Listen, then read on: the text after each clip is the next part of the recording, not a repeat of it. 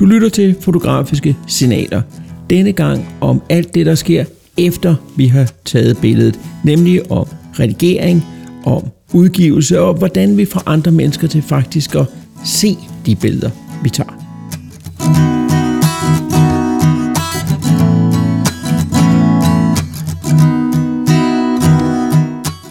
Den fotografiske proces slutter ikke i det øjeblik, vi trykker på knappen på kameraet.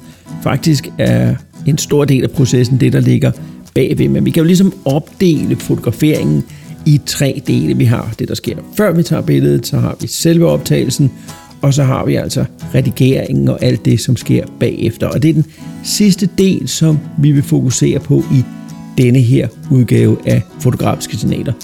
Mit navn er Adam Bindslev, og når jeg ikke sidder her, så holder jeg jo blandt andet kurser i fotografikurser.dk, blandt andet i redigering. Så det er noget, jeg har arbejdet ret meget med det her, og det er også noget, som jeg bruger en stor del af min tid på at prøve at finde det bedste flow og sådan nogle ting. Det er noget, som, som har fyldt meget i mit, i mit fotografiske liv.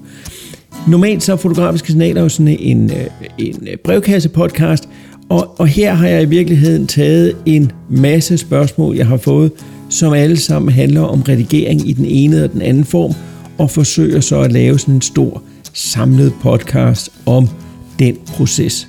Så selvom at denne her udgave af Fotografiske Signaler ikke har sådan enkelte spørgsmålsbrev, jeg læser op, så er det altså stadigvæk en brevkasse. Og det betyder også stadig, at jeg meget, meget gerne vil modtage dine spørgsmål til alt muligt fotografirelateret. Og den nemmeste måde at gøre det på, det er at gå ind på den Facebook-side, som Fotografiske Signaler ligger på, eller gå ind på adambindslev.dk, som er min hjemmeside, hvor man også kan sende spørgsmål. Eller find mig på Twitter eller Instagram eller andre steder. Jeg sørger for, at der er links i show notes til alle de måder, du kan kontakte mig på for at sende et spørgsmål til udsendelsen.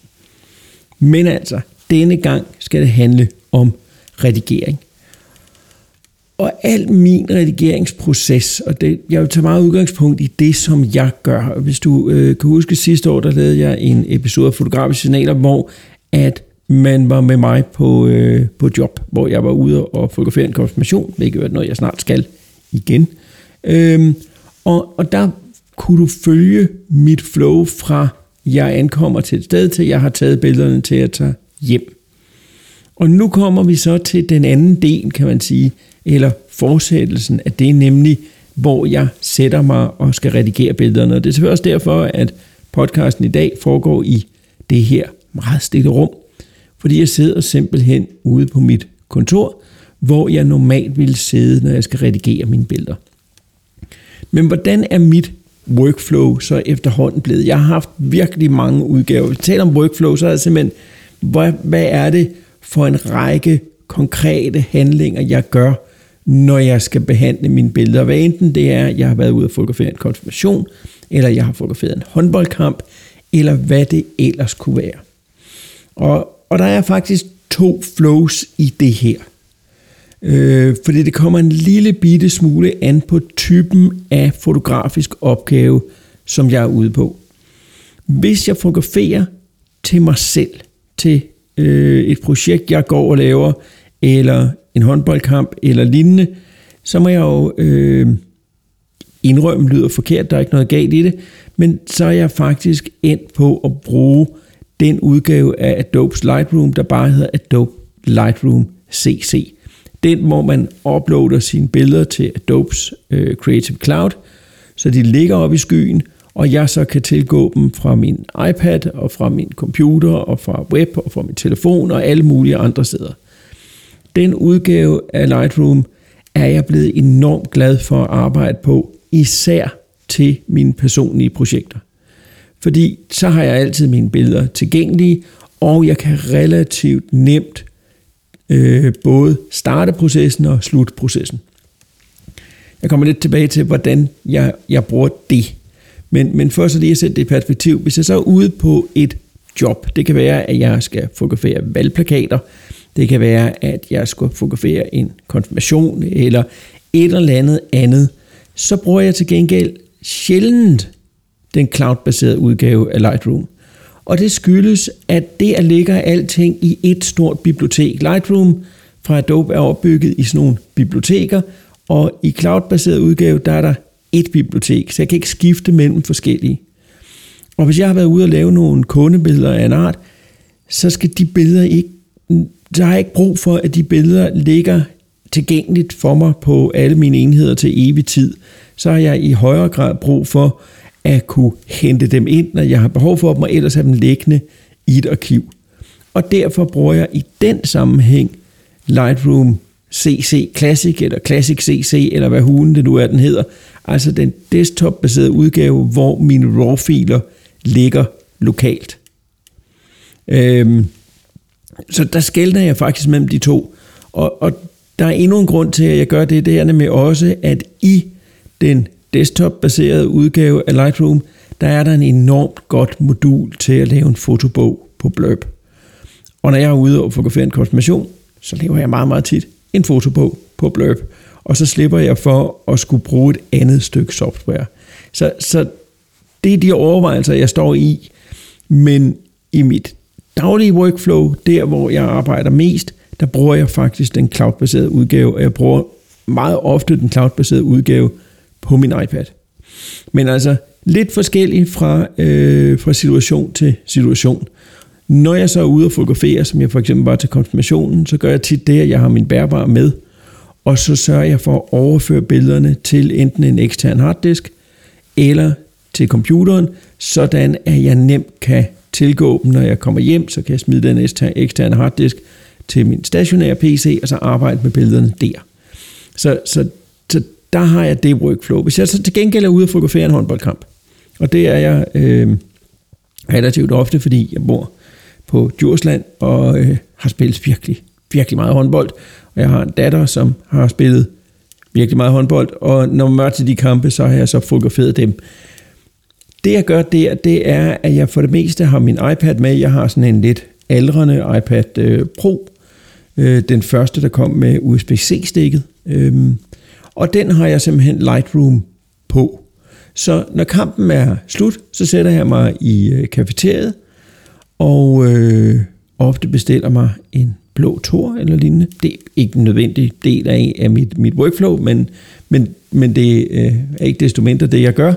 Og derfra, der øh, tager jeg så en øh, SD-kortlæser, og så overfører jeg RAW-filerne med det samme. Så altså SD-kortet ud af kameraet, RAW-filerne ind på iPad'en, og så lad den stå og synkronisere. Der er det meste en eller anden form for wifi, eller så kan jeg dele noget net på min telefon, sådan at billederne altså bliver uploadet til skyen.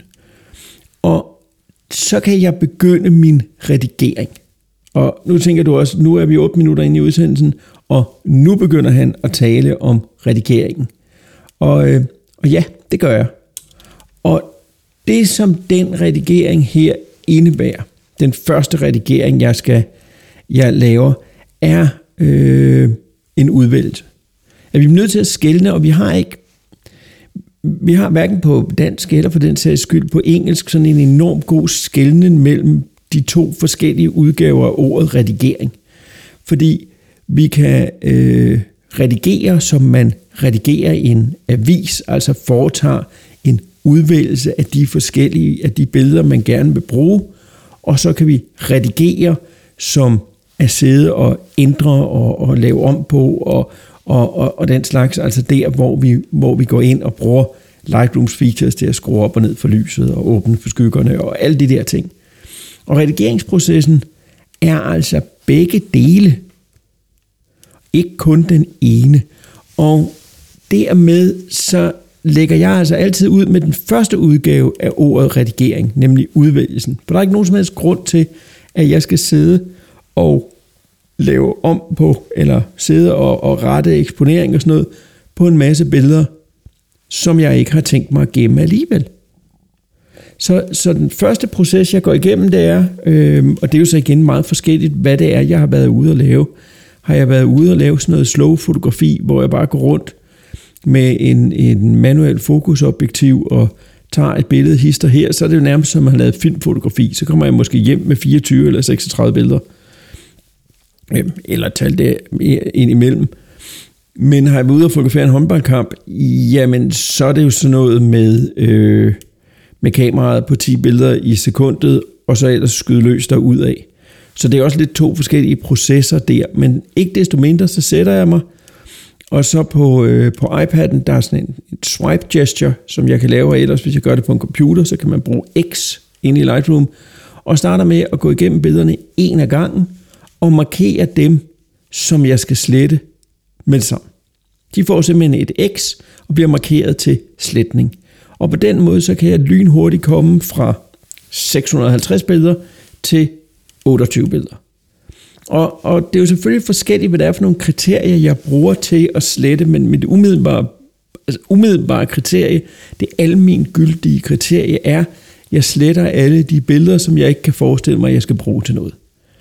Først og fremmest taler vi en håndboldkamp, alle de uskarpe, alle dem, hvor at der ikke er øh, sker noget interessant på, alle dem, hvor at vi er i den sidste del af et burst, at vi har, vi har startet med håndboldspilleren, der hopper op, og så der, hvor håndboldspilleren skyder, og så har vi fire billeder, hvor skuddet sådan set er fyret af, og der ikke længere sker noget. Alle de billeder, de bliver markeret med et X og smidt ud.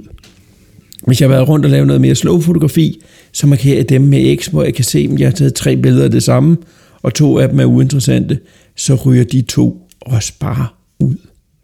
Og, og der ved jeg godt, at der øh, er jeg måske mere ekstrem end så mange andre, øh, men jeg gider simpelthen ikke gemme en masse dårlige billeder.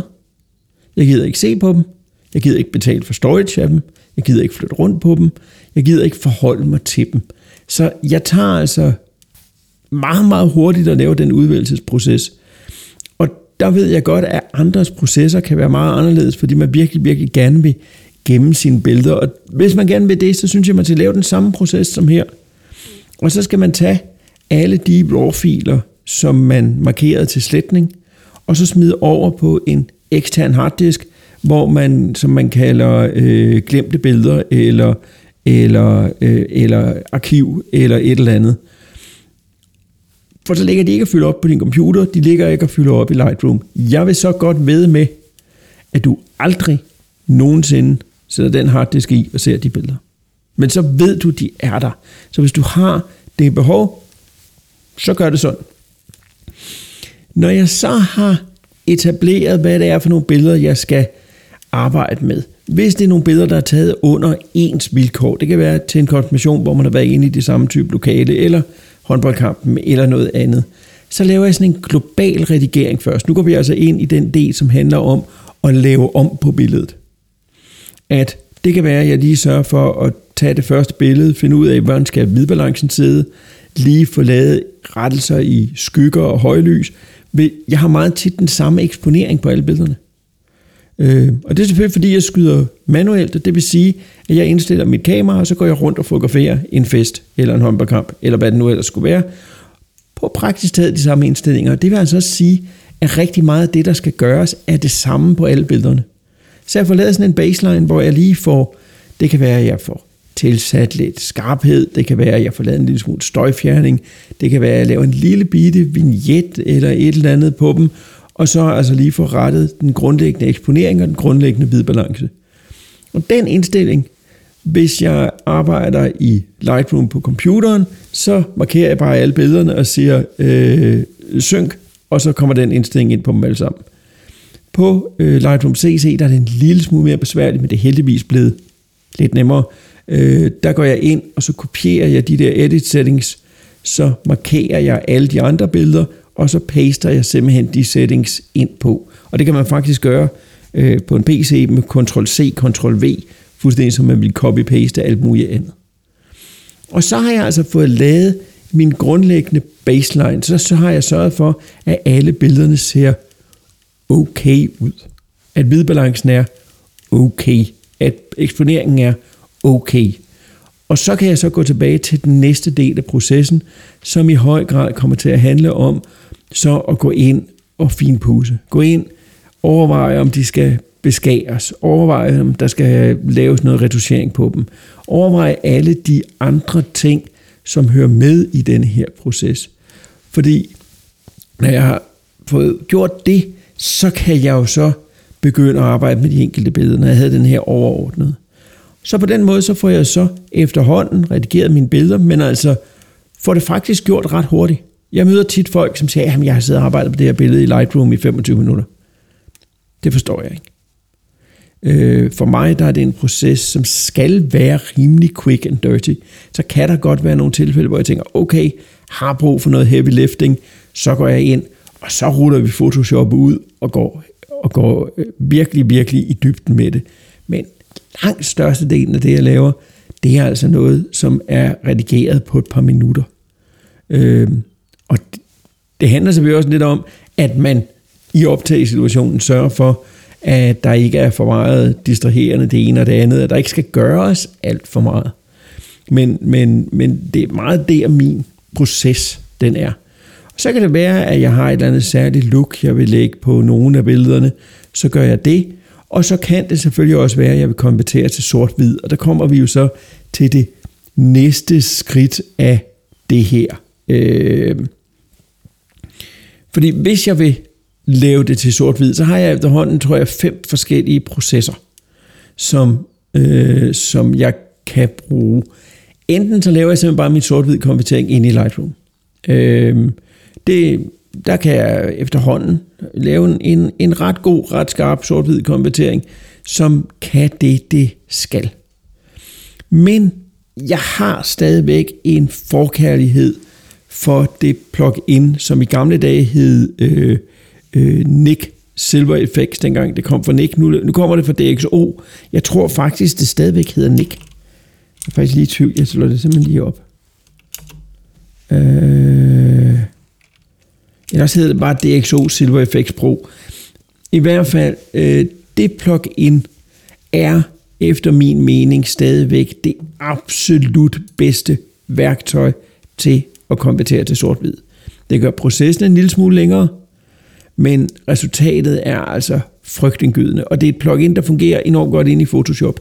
Så det jeg reelt set gør, det er, jeg åbner Lightroom, jeg henter, og så ved jeg godt, jeg kan godt åbne inde fra Lightroom CC, kan jeg godt sige edit in Photoshop. For det meste, og det er sådan en, en idiosynkrati fra min side, for det meste så det jeg gør, det er, at jeg faktisk downloader RAW-filen, så åbner jeg RAW-filen i Photoshop, laver lige min grundlæggende RAW-konvertering en gang til, ser om der er nogle ting, jeg skal fjerne. Hvis jeg for eksempel sætter en vignet på, så vil jeg ikke have den med over i min konvertering her. Åbner billedet i Photoshop, og så åbner fra Photoshop ind i Silver FX Pro. Øh, og der kan jeg så lave min sort-hvid konvertering. Og der er altså nogle forrygende muligheder.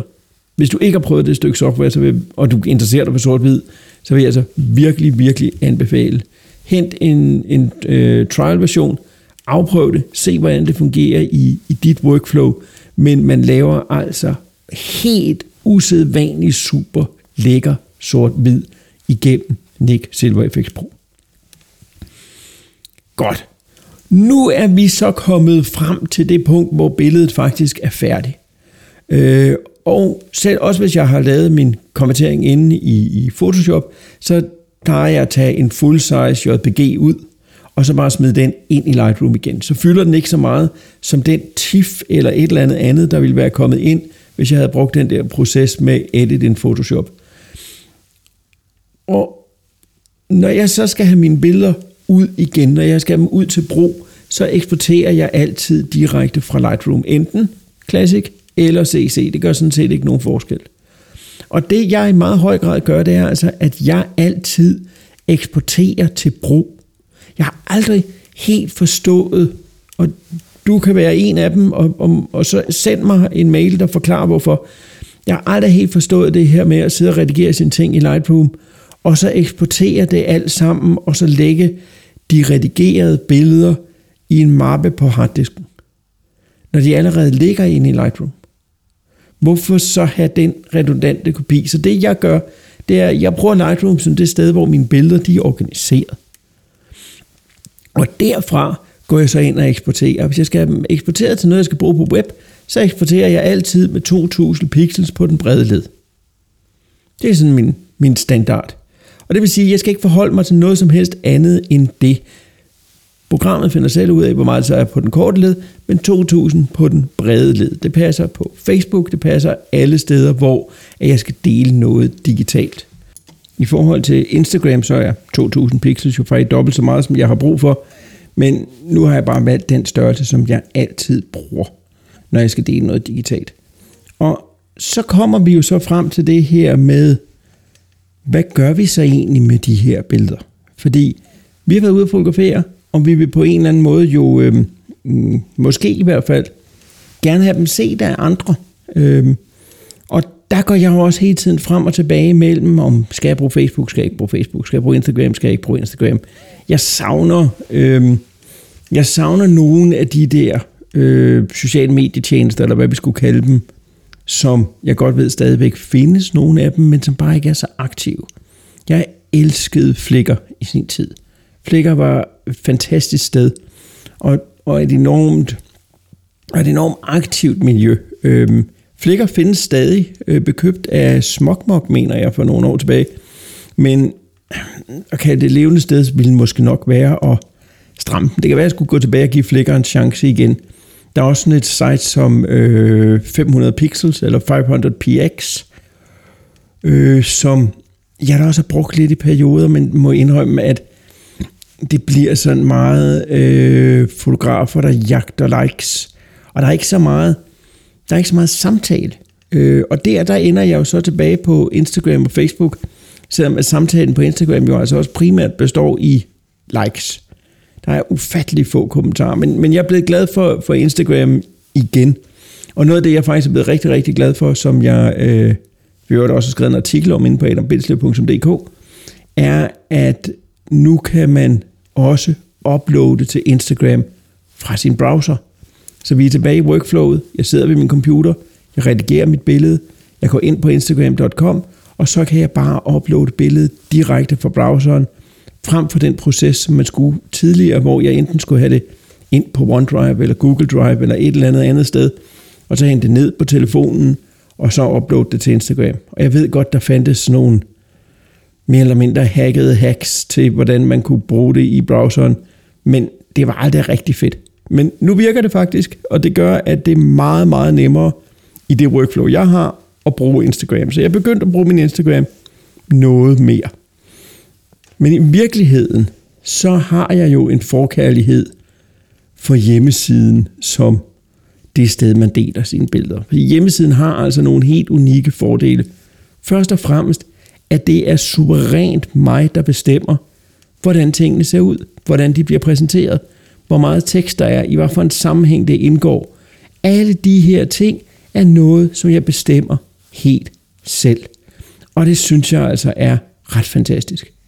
Problemet med hjemmesiden er bare, at den tid, hvor folk de havde bogmærket alle mulige hjemmesider, og så holdt øje med, hvornår der kom noget nyt, de tider er jo en lille bit smule forbi. Så hvis man gerne vil ud og blive set af rigtig mange, så er hjemmesiden sikkert ikke det rigtige sted. Men hvis man egentlig er lidt ligeglad med det, og man er helt tilfreds med at have et publikum øh, i, i, den, i den svage ende, så synes jeg jo altså stadigvæk, at man skal overveje at, have, at lave en hjemmeside. Og der er mange måder at gøre det på. Altså, man kan starte, man kan gå ind på øh, wordpress.com, der kan man starte sit egen blog, hvis man kan leve med, den hedder et eller andet, et eller andet, et eller andet, .wordpress.com, så koster det sådan set ikke noget, så har man de helt basale værktøjer. Man kan så betale sig fra at få sit eget domæne på og den slags. Man kan også bare gå ind på simply.com, eller øh, hvad de ellers hedder, de her billige hosts, få installeret en WordPress-blog, og så køre derfra. Også absolut en mulighed. Og så er der altså faktisk også en mulighed, som jeg synes, at jeg i hvert fald lige vil snakke en lille smule om, for nu har vi snakket så meget om Adobe, og jeg ved godt, at der sidder sikkert også nogen derude og siger, at jeg bruger Capture One, og jeg vil ikke betale til Adobe og sådan noget. Det er den verden, jeg lever i. Jeg er altså øh, i den grad i Adobes økosystem. Og når man betaler for en Creative Cloud pakke, så må man faktisk et Adobe portfolio med i nakken. Øhm, hvis man går ind på portfolio.adobe.com, logger på med sit, øh, med sit Adobe ID, så har man faktisk mulighed for at lave en hjemmeside, hvor man kan hente billeder ind fra sin desktop. Man kan også få den til at hente et helt bibliotek fra øh, Lightroom CC, altså fra cloud-udgaven. Sige, jamen de ting, jeg har liggende i denne her, øh, det her album, dem vil jeg gerne have præsenteret på den her side. Så henter den simpelthen hele molevitten ind, og kan præsentere det i et grid eller et eller andet lignende. Og det er altså ret smart. Og det er sådan et produkt, som Adobe, øh, de råber ikke lige frem op om den her portfolio ting, men, men den, er, øh, den er blevet betydeligt udvidet her i den sidste tid. Tidligere så kunne man lave nogle gallerier, så kunne man lave en kontaktside og en om mig side, og der kunne man skrive lidt tekst, og ellers så kunne man ikke rigtig lægge tekst og alt sådan noget ind. Men nu er det egentlig gået over til noget, som ligner sådan et, et meget moderne øh, øh modulopbygget websystem, hvor at jeg kan oprette alle de sider, jeg gider. Og inde på de enkelte sider, så har jeg muligheden for lige at klikke på et, på et plus, hvis man kender det fra, man kender det fra mange andre af de her systemer. Og der kan jeg lægge et billede ind, jeg kan lægge et fotogitter ind, jeg kan lægge et Lightroom-bibliotek ind, jeg kan også lægge video ind, jeg kan også lægge lyd ind, jeg kan øh, integrere, altså bruge embed-koder, øh, og jeg kan også bare frit skrive tekst. Så nu har jeg altså mulighed for faktisk at lave sådan en, en, en relativ øh, en, en relativt professionelt udseende side, som altså bliver hostet af Adobe, og det er selvfølgelig igen ulempen, men nu betaler vi jo det her abonnement alligevel, og har ikke tænkt os at holde op med at betale det her abonnement. Og her er så altså faktisk muligheden for, om ikke andet, at prøve at lave sin egen webside, og se om man synes det er fedt, uden at det koster dig ekstra. Hvis du så holder op med at betale til Adobe, så mister du så din hjemmeside. Øh, og som udgangspunkt, så hedder den så øh, for eksempel adambenslev.adobe.com eller et eller andet andet i den stil. Men man kan altså også godt med lidt, øh, hvis man kan lidt, lidt webfu, så øh, kan man godt få tilknyttet sit eget domæne til denne her side, og så altså faktisk bruge den til et, øh, til et projekt eller som ens personlige hjemmeside. Så jeg synes, at det er en god idé altså at kigge på Adobes portfolio ting, når man nu alligevel går i de her overvejelser omkring, om man skal lave sin, sin egen side, lave sin egen hjemmeside, og man måske ikke har lyst til lige at sætte sig ind i WordPress, eller man ikke har lyst til at skulle betale endnu mere per måned, fordi nu skal man også hoste en webside, osv. osv. osv. Så, så er der altså værd lige at, at afprøve Adobe Portfolio. Det er ikke en blog. Den er ikke oplagt til at lægge sådan artikler løbende op og sådan noget, men til netop at have en portfolio, hvor her er mine billeder, har lidt om mig, har mine kontaktoplysninger, der er det faktisk, øh, der er det faktisk ret fint, det som Adobe efterhånden har fået lavet. Og ellers så, hvad gør vi så ellers med vores billeder? Jamen, så er der jo altså de her muligheder for for eksempel at lave en bog. Øhm, og jeg har flere gange lavet fotobøger, hvor jeg har lavet dem inde i Lightroom, øh, og så fået dem trygt hos Blurb.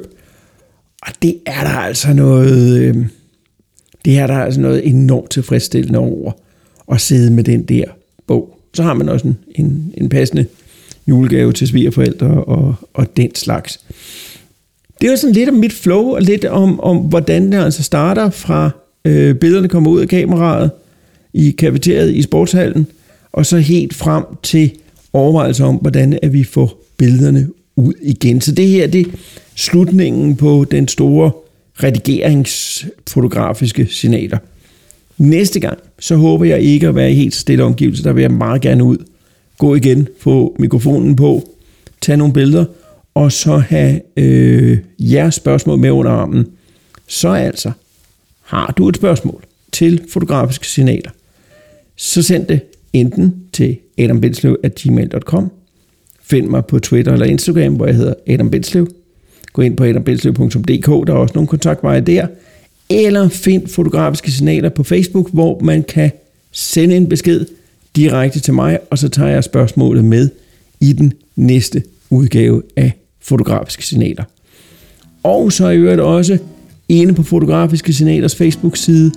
Hvis du er i nærheden af Grenå her øh, lørdag den 23. april, dagen før anden runde af det franske præsidentvalg, så holder jeg et øh, fotokursus for øh, ARF Foto og Medieklub, og det koster kun 250 kroner at være med på det her kursus, som handler om, om komposition og om Faktisk også som det her udvælge det gode billede og fotografisk flow og alt muligt andet. 250 kroner, og det inkluderer endda et års medlemskab af ARF Foto- og Medieklub i Grenå. Det er altså et ret godt tilbud. Og ellers så er jeg på fotografikurser.dk, så holder jeg dels et Lightroom-kursus i øh, maj, og dagen efter, der holder jeg sort-hvid søndag, som nu er sort-hvid street søndag, hvor vi skal snakke sort fotografi, vi skal ud og tage nogle billeder, og vi skal hjem og sidde og redigere dem sammen. Så hvis du har fået lidt øh, lyst til at lære mere, blandt andet også om Silver FX Pro og nogle af de her andre måder at sort-hvid konvertere på, så er det kursus måske værd at kigge på.